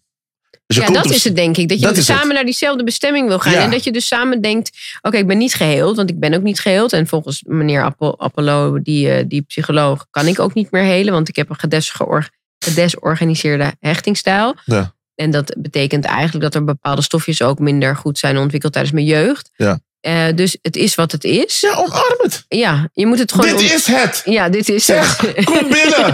Hey, I'm fire. Sometimes I'm fire. Sometimes I'm cool. Sometimes I'm... Nee, maar dat, nee, maar dat, nee, maar, Ja. en, en de persoon, en dat, dat is liefde. De persoon die jou neemt voor je highs en je lows. En die gewoon denkt, weet je wat? En niet je weggaat, bent wat, ja. Juist. Ja. Dat is liefde. Liefde is niet van perfect zijn. Want liefde is zoveel meer laag. Dat is met kinderen. Soms wil je toch achter het behang plakken. Ja. Dan denk ik, jee, Maar weet je wat mijn zoon mij dus leert? Dat is super grappig. Want ik, werd, ik ben dus iemand die schepen achter me verbrandt. En dan denk ik, je bent zo ver gegaan. Dit kan ik niet accepteren. Ik hoef je nooit meer te zien. Ja. Nou, tief op mijn huis uit zo. Ehm, maar mijn dochter was altijd stil. Weet je, als ik dan boos was, kon ik echt boos worden. Weet je wel, als Ja. vroeger in de puberteit of zo. Ja. Ehm, maar Shai, mijn zoon, nee. Die gaat gewoon terug. Die, die, die pakt me gewoon terug zo op mijn, eh, wat ik Ja. doe. Dus ik schrik daarvan. Hij is 1,86 of 85 Ja, ja. gaat op een keel. Dus, eh, dus laatst was het ook een keer zo gegaan. En toen ging hij dus eh, weg bij mij lopen. En toen dacht ik, oh, jij leert mij nu. Want ik denk altijd dat ik dat weer moet leren in een relatie. Maar jij leert mij nu dat ik gewoon me trots aan de kant moet zeggen. Want jij bent mijn kind en Ja. jou haal ik nu terug. Ja. Je gaat niet bij mij weglopen, weet je wel. Je bent 16. Dus dan, eh, jij leert me dat nu. En toen dacht ik, wauw, hij leert mij nu gewoon dat ik je terug moet halen. Want ik kan bij een man, ik, ik haal je nooit meer terug. Ja. Ik zet me daar niet overheen, zeg maar. Als iemand me echt heeft gekwetst. Dat snap ik. Het, het is ook niet iets Ja, ergs. maar ja, ook wel kwetsen. sommige ook- mensen gaan ook te ver. Sommige mensen gaan en, te ver. en, en soms, kijk, en soms is kwetsen ook heel persoonlijk. Omdat soms had je een verwachting. Oké, die persoon heeft de verwachting niet waargemaakt. Maar leer het ook afsluiten. Want het feit dat jij zegt, nou, is klaar. Je hebt het ook afgesloten. Sommige mensen blijven in, in omdat hun ego het niet toe wil laten. Die kan het niet toe. Jij hebt mij pijn gedaan. Nou, nee, dat ben ik niet. Ik, ik los het met mezelf op. Ik ga me in mijn eentje door de pijn. Ik bel je nooit meer op. Ja, En nee, echt niet. En, eh, en ik weet ook dat door die pijn heen gaan, als iemand je zoiets doet als vreemd gaan en zo, en dat is een terugkerend item bij mij, dan, ehm, dan wa- wat wil je dan nog bespreken? Snap je? Ik heb dan eigenlijk gewoon niet meer zoveel te bespreken. Ja. Kijk, als iemand tegen mij zou zeggen van, weet je, Fai, ik voel me zo afgewezen door jou eigenlijk. En ik moest altijd maar veranderen. En je zag me niet voor wie ik was. En ik ben een hele onzekere man. Ja. En daardoor had ik aan- aandacht, eigenlijk was ik heel verkeerd, op de verkeerde manier aandacht aan trekken van iemand anders. En dat spijt me eigenlijk zo erg. En ik wil daaraan werken. Ik ga daarvoor in therapie. Nou, dat is een ander verhaal. Ja. Als iemand zegt, nou, je overdrijft het en zo erg was het allemaal niet. Ja. dan denk Ja, ik, nee, maar- je hoeft maar maar- gewoon, ik ga niet eens meer met jou in gesprek. ja nee, maar soms, soms, Ik, heb geen, geen, ik ga geen woord meer aan vuil maken, Ja. weet je wel? Maar soms is het best wel moeilijk om eerlijk tegen jezelf te zijn. Hè? Eh, om als man zijn tegen een vrouw te zeggen: Sorry man dat ik je hart heb gebroken. Sorry dat ik vreemd ging. Dat is, dan moet je. Dan Ja, maar je ook dat, sorry, is dan, wat is sorry waard als je niet hebt er, er ontdekt voor jezelf waarom je het doet? Misschien heb je een verslaving aan vrouwen, hè, kan ook dopamine. Iemand met een hechtingstoornis heeft dat vaak ook. Ja. Weet je, die hebben er continu rasjes nodig. Ja. Maar ook iemand met een ik ben niet goed genoeg thema. Ja. Want die moet de hele tijd die bevestiging krijgen van anderen.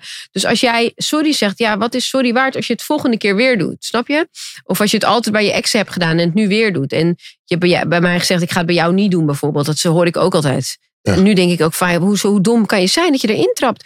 Als iemand het bij zijn ex heeft gedaan, gaat hij het ook bij jou doen? Tenzij die met zo'n verhaal komt. Ik deed het omdat ik een thema had en daar heb ik aan ja, gewerkt. of ik werk eraan. Ja, ja. Dan kan je het eigenlijk aannemen. Maar anders gaat hij het gewoon nog een keer doen. Ja. Want hij, hij kan het niet stoppen, weet Ja. je wel? Het, het is dus een verslaving. Het is een soort verslaving. Het gaat dieper dan. En het is nooit de oorzaak persoonlijk. eronder moet je aanpakken. Die, angel moet eruit. En als je dat niet doet als man, ja, dan gaat het, je gaat Ja. het niet, niet meer doen. Je gaat het volgende keer gewoon weer doen. Want er komt altijd een moment dat je vrouw even niet reageert. Of dat je even niet de aandacht krijgt die je nodig hebt. Ja. Of, ja, en als je dan iedere keer bang moet zijn dat je vent vreemd gaat. Omdat je even druk bent. Of even met je kinderen bezig bent. Of even met, met de paarden bezig bent. Of even zagrijnig gewoon een paar dagen. Oh shit, dan gaat hij met iemand anders appen. Ja. Dat is gewoon niet Maar, te doen. soms, maar hoor je dat ook wel eens dat soms vrouwen denken dat het aan hun ligt? Want bijvoorbeeld, eh, ja, ik ben niet leuk genoeg meer. dat- ik geloof dat dat is het helemaal niet. Nou ja, ik is- geloof in, in, in, in- ja, ik geloof wel dat het ook aan mij ligt. Omdat ik ehm, ook he- zeg maar die partner niet zie voor wie die is. Kijk, als Ja. ik tegen jou zeg je moet trainen, je moet dit, je moet dat, dan Ja. zeg ik toch de hele tijd je bent niet goed genoeg. Kijk, als Ja. ik jou gewoon zie, je bent goed zoals je bent. Met je buikje, Ja. met alles. Je hoeft niet te veranderen. Nee. Ja, dan voel jij je ook gezien. Ja, En, ja, en dan denk je, ja, oh, en dan ja. geef ik jou Ja, ja. wat jij nodig Ja, hebt. ja. Maar dat deed ik ook niet. Ja. Dus ik zie het wel dat ik ook een onderdeel ben van dat zo'n man vreemd gaat. Ja. Absoluut. Nee, maar ik, ik, denk, ik denk. Weet je, ik heb vaak met mijn vrienden ook dit soort gesprekken van. eh, het zit soms zo in je hoofd dat je soms denkt: je bent niet goed genoeg. En soms kunnen andere mensen jou wel die validatie geven. Dat je wel Dat is- goed genoeg bent. Dat is maar zo'n Ja. momentopname. Ja. En besef dat je dus eh, een ander laat bepalen hoe jij je voelt. Dat is, dat is fucked up. Maar dat is, daarom zeg ik. Van, betekent het- dat jij een, een gapend gat bent. Dat Ja. betekent dat je dat continu nodig hebt. ja, Daarom zeg ik ook altijd, als jij bijvoorbeeld ook een eh, positief compliment als dat je wat doet, is net zo erg Ja. als negatief. Ja. Want dat betekent dat een ander bepaalt hoe jij je voelt. ja, dat is fucked up. En dan ben je dus altijd, heb je likes nodig, of Ja. aandacht, of Ja. DM's, of, Ja. of, of, eh, moet je uitgaan om, om weer op te laden als je met een strakke broek eh, naar het toilet loopt in een restaurant, dat mannen naar je kijken. Oh, dan kan je weer een dagje. Nou ja, volgende dag shit, ik word niet naar me gekeken. Ook ik moet weer naar buiten, ik moet weer opladen. Ja, En deze industrie maakt je ook gek, hè? Omdat het wordt. Je krijgt hem gewoon ja. Op je. Oh, ja, hallo, DM vol. Hey, hallo, hey, zoiets leuks doen. Hey, foto, hey. Jij zou waarschijnlijk allemaal foto's krijgen van allemaal. piemels. Ja, Ja, Dus ook. die snap ik niet, hè? Nou, ik, ik vraag me wel altijd af wat die mensen dan willen. Misschien willen ze ook gezien worden. Dit is mijn tool. Ja. Ehm, ja, dat soort dingen. Maar oh ja, ik, het is echt eh, niet noemenswaardig Ik snap die hostel Ik heb ze in het begin echt vaak geëxposed, maar daar heb ik niet eens meer. Oh, geen- serieus? Daar heb ik geen eens geen zin Dit is meer een in. pinkeltje. Nou ja, als je wel, nou ja, soms zag je dan wel gewoon, dat doen ze nu niet meer, maar dat ze van die profielen hadden gewoon met een gezin, weet je wel. Ja. Nee, maar die, die heb ik nooit maar gestapt. dat zijn eigenlijk gewoon de moderne potloodventers. We hebben. Hè? Ja, vroeger heb ik als kind heb ik ze gewoon in, in het echt gewoon buiten gezien. Ja, Met zo'n jas aan. ja. En tegenwoordig is het online. En toen zei ik, is dat alles? Is, het, is er meer? Nou, het was eigenlijk van een andere hoek. En, en, en- Ja, want ze willen gezien worden. Toch? Ja. Ze willen eigenlijk chockeren, maar, eigenlijk, maar eigenlijk is het wel een probleem wat heel veel van ons mensen hebben. Het gezien willen worden. Daarom denk ik, Ja, is social media zo popping. Want we willen de hele tijd... Je merkt toch ook in die foto's. Ik zat laatst... Weet je wanneer? Oh ja, ga verder. Nee, nee, nee, maar heel kort. Ik zat bijvoorbeeld in de bioscoop. En dan eh, zag ik een gast en die ging met zijn kids foto's maken. En zag je die dochter gelijk. En die jongen. En ik denk, zo, we, gelijk een we hebben allemaal poses al aangeleerd. Maar besef, je bent in de bioscoop met je gezin. Ja. En dan ben je dus daarmee bezig. Bizar. Maar ook bijvoorbeeld als je gaat eten met vrienden. Dat je dan bezig bent met hoe het eten eruit ziet. Om te laten zien aan mensen die je niet kent. Terwijl je hier met je vrienden zit. Ja, Zeg maar. Ja. op het moment, ik denk wel dat je kan merken aan jezelf. Goed met je gaat. Als je niet de behoefte hebt om het te delen. om het te delen. Ja. De hele Dan ben je, dan ben je dan, cured. dan ben je oké. Ja. ja. En wanneer Als je gewoon je telefoon, kwijt, dat je de telefoon kwijt Ja. bent, gewoon een dag, weet je wel. Of iets dat je denkt, oh, waar is die telefoon? Ja. Of als je echt met je vrienden aan het eten bent en je hebt helemaal niet de behoefte om te delen, ja, dan, dan, ga- dan kom je bij jezelf. Ja. En waarom moeten mensen... Ik wil, nou, daarom, ik- dat zat ik- er allemaal in. Ik, ik, wil- dat mensen gewoon dit boek gewoon allemaal gaan kopen, supporten. Nog een huis. Eh.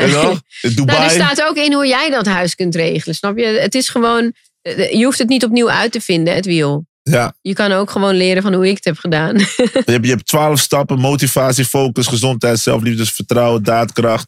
Nou, dat, dat, dat bewijs je gewoon keer op keer. Outstanding. Ja, ga hem gewoon, ga hem gewoon checken. ja, we gaan voor outstanding. Dus ehm, En mijn rijke vader. Ik, ik blijf die interessant vinden. Dat je je vader alleen maar zag op verjaardag. Ik had en daarom ook. had ik hem gewoon geïdealiseerd, omdat hij met Ja. die eh, auto kwam. Dus je maakt hem wel mooier, toch? Ja, of had jij ja. dat niet? Had ik ook. En toen kreeg ik pak slaag van moeder. Toen ik zeg, zie je, hij komt wel die Nintendo. Slippen kreeg ik in mijn nek hoor. Hij wel, maar jij niet. Pam! Ja, ik had hem ook geïdealiseerd. Grappig is dat. Nee, maar ik vind het. Want vaak in, het, in, in deze podcast komt dat onderwerp steeds weer terug. Dat je merkt dat mijn gasten dan dingen vertellen. en Die komen weer uit, uit hun jeugd weer terug. En dan merk ik dat. Snap je? Dit, is ook. Ja. Dus ik denk van wow. Het, het, iets wat toen gezegd is. Of Ja, wat je meegemaakt. Dat het zo terug kan keren. Dat jij hem idealiseerde. Ik herken dat. Ik denk ja. tot ik het niet meer deed. Ja, ja. Ik, ik, ik, Op een gegeven moment ben ik ermee gestopt. Hij, hij, ik, ik maar koop laatst- jij nog steeds zoveel spullen voor je kind? Oh, dat weet je nog, ja. Ja, ja. ja ik ben er wel mee gestopt. Eh, op de in de mate waarin ik dat deed. Want ik weet dat ik jou toen vertelde. Ik verwende hem zo erg. Het was ziek. Je kwam bijvoorbeeld, die, eh, zijn moeder zei bijvoorbeeld dat ze, een, een, een vriendin van haar die kwam langs en die vroeg van wie waren al die jassen die matchten met de Jordans. Zei dat, dat is van, eh van Elijah. Van wie? Ja, zijn vader. Ik was zo, ik wilde hem alles geven, maar eigenlijk, het is compensatiegedrag. Want ik kende het niet van mijn vader. Ik dacht, ik ga hem alles geven en alles was in het. En, en op een gegeven moment dacht ik van, maar ik wil hem geen monster maken. Want als ik hem te veel ga geven, gaat hij de waarde niet van dingen kennen. Nee. En dan ziet hij mij als, als, als de gast die alleen met cadeautjes komt. Ja, En dat merkte ik op een gegeven moment, want soms dan kwam ik langs en dan, weet je, had je dan, niks. en, en had ik niks bij me. Zegt hij, pap, heb je, zeg ik, nee. En dan merkte ik van een soort irritatiegevoel bij me. Zeg ik, "Maar, eh, Fernando, doe je zelf. En dat is waarom ik dus op een gegeven moment begon in te zien van, alles wat mij is aangedaan in mijn jeugd, ging ik op een gegeven moment weer omzetten. Maar ging ik het verkeerd gebruiken. Ja, Met de goede intentie. nou, Maar het werkte gewoon niet. Dus hij, hij, hij krijgt nu iets minder. iets. Iets minder. Ja, maar veel minder, hè? Zeg maar, Mhm. ik probeer nu ook in aandelen ook voor hem eh, ook, eh, te sparen. Dus ik denk van, van in plaats dat je weer een of andere Jordan voor hem gaat kopen, of whatever, of outfit, stop het gewoon in iets waar hij echt wat aan heeft. ja, mooi. En- ja, dat is moeilijk hoor, want mijn ego zegt, ja, maar Maar wat doet het met je als jij dat dan aan hem geeft?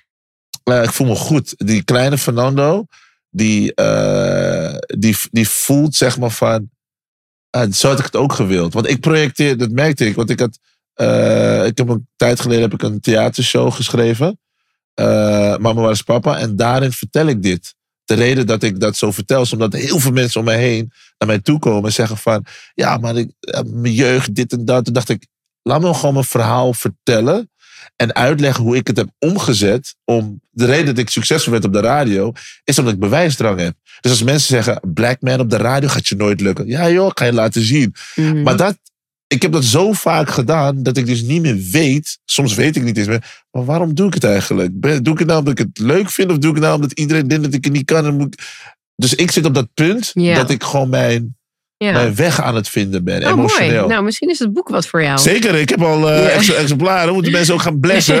Als je ook eentje wil, we gaan een vraag bedenken. Wat, voor vraag kunnen mensen geven op dit? Hoe want jij bent die geboren influencer. Hoe gaan we dit, eh, wat voor vraag? wanneer, ze het, ma- wanneer ze het winnen, bedoel je? En wanneer ze kunnen winnen? Eh. Wat, moeten ze weten om hier antwoord op te geven? Mm, Wat is leuks voor ze bedenken? Dat ga je ook gunnen. nou, nou ja, misschien gewoon iemand die het heel hard nodig heeft. Oké, de Of dat, je het voor, of dat je het voor iemand anders eh, vraagt Oh ja, nog beter. die het heel hard nodig heeft. Ja. Nou, reageer eronder. In de, in de comments, waar je ook luistert, Spotify, YouTube.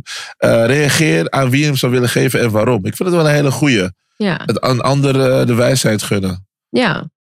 mooi. Ja, ja dat, eh, ik moet daar echt. eh, nee, maar dat, ik, daarom herken ik veel. Maar ook in jouw drive, die jij altijd hebt gehad. Ik zie dat. Die, Maar als je dat dus- dus gaat oplossen en je gaat dus helen, dan word je veel rustiger. ja, Dan krijg je veel minder de Ja. behoefte om zo groot alles te doen. ja. Bij mij moet altijd. Ja, joh, ja, joh. Let's go. Nee, dat, dat krijg je minder. Ja.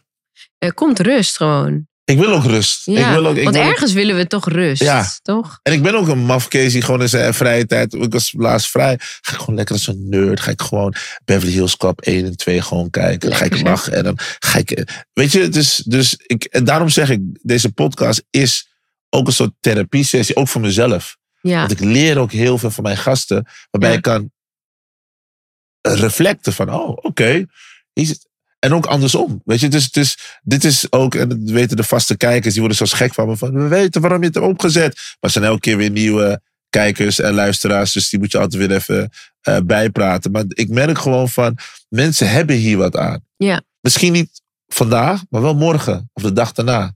Dit wat wij nu Mhm. bespreekbaar maken. We hebben, we hebben het gehad over where you came from. Maar ook zeg maar dat jezelf willen laten zien. Dat is iets wat iedereen ergens wel heeft. Mm. Ik wil me laten zien op wat voor manier dan ook. Maar je laat ook die empowering kant zien van wat je als vrouw al kan bereiken. ja. Terwijl ik vind, van, ik vind nog steeds gekker dat mannen en vrouwen, als ik soms dingen lees over salarissen die nog steeds mijlen ver uit elkaar liggen, denk ik, maar hoe kan dat anno 2024 ja. dat wij dat nog steeds hebben. Het is weird. Je zou toch als overheid toch iets moeten bedenken van... Luister, als er bedrijven zijn die vrouwen en mannen daar zo'n onderscheid van... Geef ze een boete dan. ja. Geef het bedrijf een boete van als jij kan aantonen van... Deze vrouw heeft dezelfde eh, eh, Functie? eh, eh, functie als die guy, maar die krijgt gewoon Veel meer. 40.000 per jaar minder of 30. Dat kan niet. Nee. Ik, ik maak me er hard voor. Ik vind dat fucking raar. Nee, maar eerlijk. Ja, toch dat kan niet. Nee, nee, nee. Nee, nee. Je moet ook gewoon lekker zelf ondernemen. Zelf ondernemen. Nee, maar, maar ook, ook meegeven, niet iedereen. Want, want er zijn natuurlijk veel filmpjes online waarbij iedereen zegt: ga ondernemen. Maar het moet je ook liggen. Ja, dat is helemaal waar. Dat zeg Want- ik ook in het boek. Ja. Heel veel mensen willen helemaal niet zelf ondernemen. En die doen het omdat ze het moeten doen of andersom. En Ja. eh, moet je echt liggen. Ja, en, en, ja, je moet ook, ja, je moet ook voelen. Want als het jouw ding is. Kijk, jij bent iemand. Jij kan het iemand tegen jou zeggen: ja, van je moet, je, ik moet wat. Nee, ik zou nooit meer voor Nee, maar dus het moet, nee, maar het moet dus passen. Want ik vind ook. Ik zag een keertje ook in, in, in een andere podcast in Amerika. Waarbij Dame Dash, eh rechterhand toen van Jay-Z. Die zei van: Ik zou nooit voor iemand werken. En ik vond dat hij. Ik snapte wat hij bedoelde. Maar wat waar hij fout in gaat. Dus er zijn ook heel veel mensen die gewoon. Daar geen moeite mee hebben. En er is, en er is niks mis mee. Voor Nee, en als je die mensen niet bestaat, kun je ook niet ondernemen. Exactly. Ja. Exactly. Nee, maar ik vind dat belangrijk om dat te zeggen. Omdat eh, ondernemen is niet voor iedereen. Tenzij je het wil. ja. Maar er is wel natuurlijk een idee dat mensen denken... als je onderneemt, dan heb je heel veel stress. Maar heb je dat dan niet bij je baan?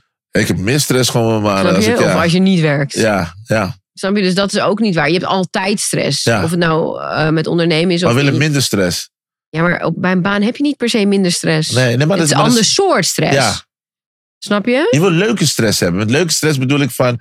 Ik doe al iets wat ik leuk vind om te doen. Dus de stress die erbij komt, neem ik voor lief. Ja, je moet gewoon kiezen voor wat je hart wil. Ja, Dat is het. daar geloof ik in. Ja. En jij stresst nu voor een heel mooi boek. En je hebt er weer eentje. Wordt weer een bestseller. Gaan we Ik gewoon hoop regelen. het. Ik hoop het dat Ja, een bestseller dit ga je wordt. gewoon even... Luister, hè? 50-50, hè? Dit eh, gaan ze regelen.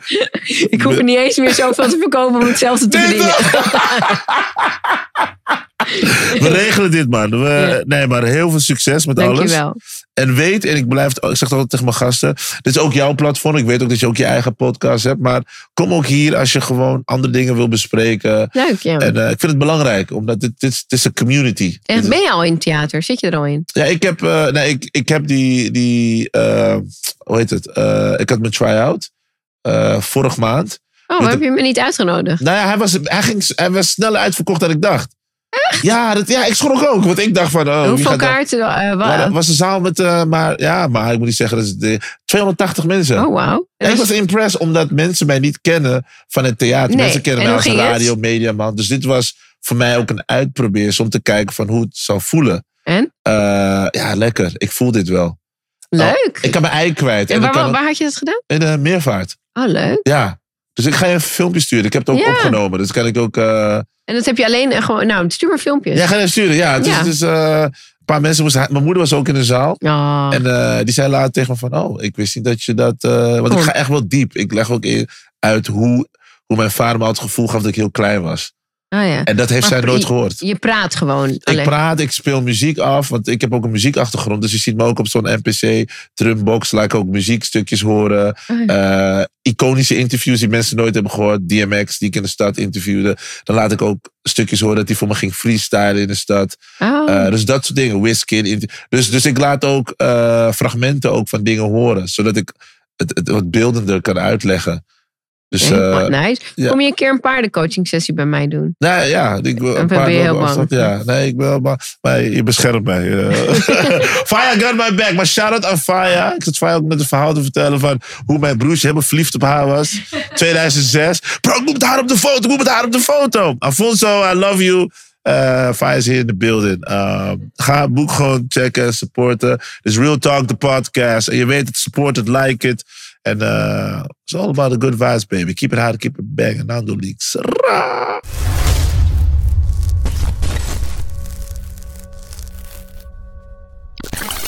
Hey, what up? It's Game, man. Nando. Hey, what's up? Yo, this is 50 Cent. Hey, this is Rihanna Fernando. Hey, yo, Fernando. What's up? It's DJ Khaled. Hey, what's up, everybody? This is J Balvin, Nando Licks, okay? Okay, okay. Fernando. X is in that station for a reason, baby. All right? Nando Licks.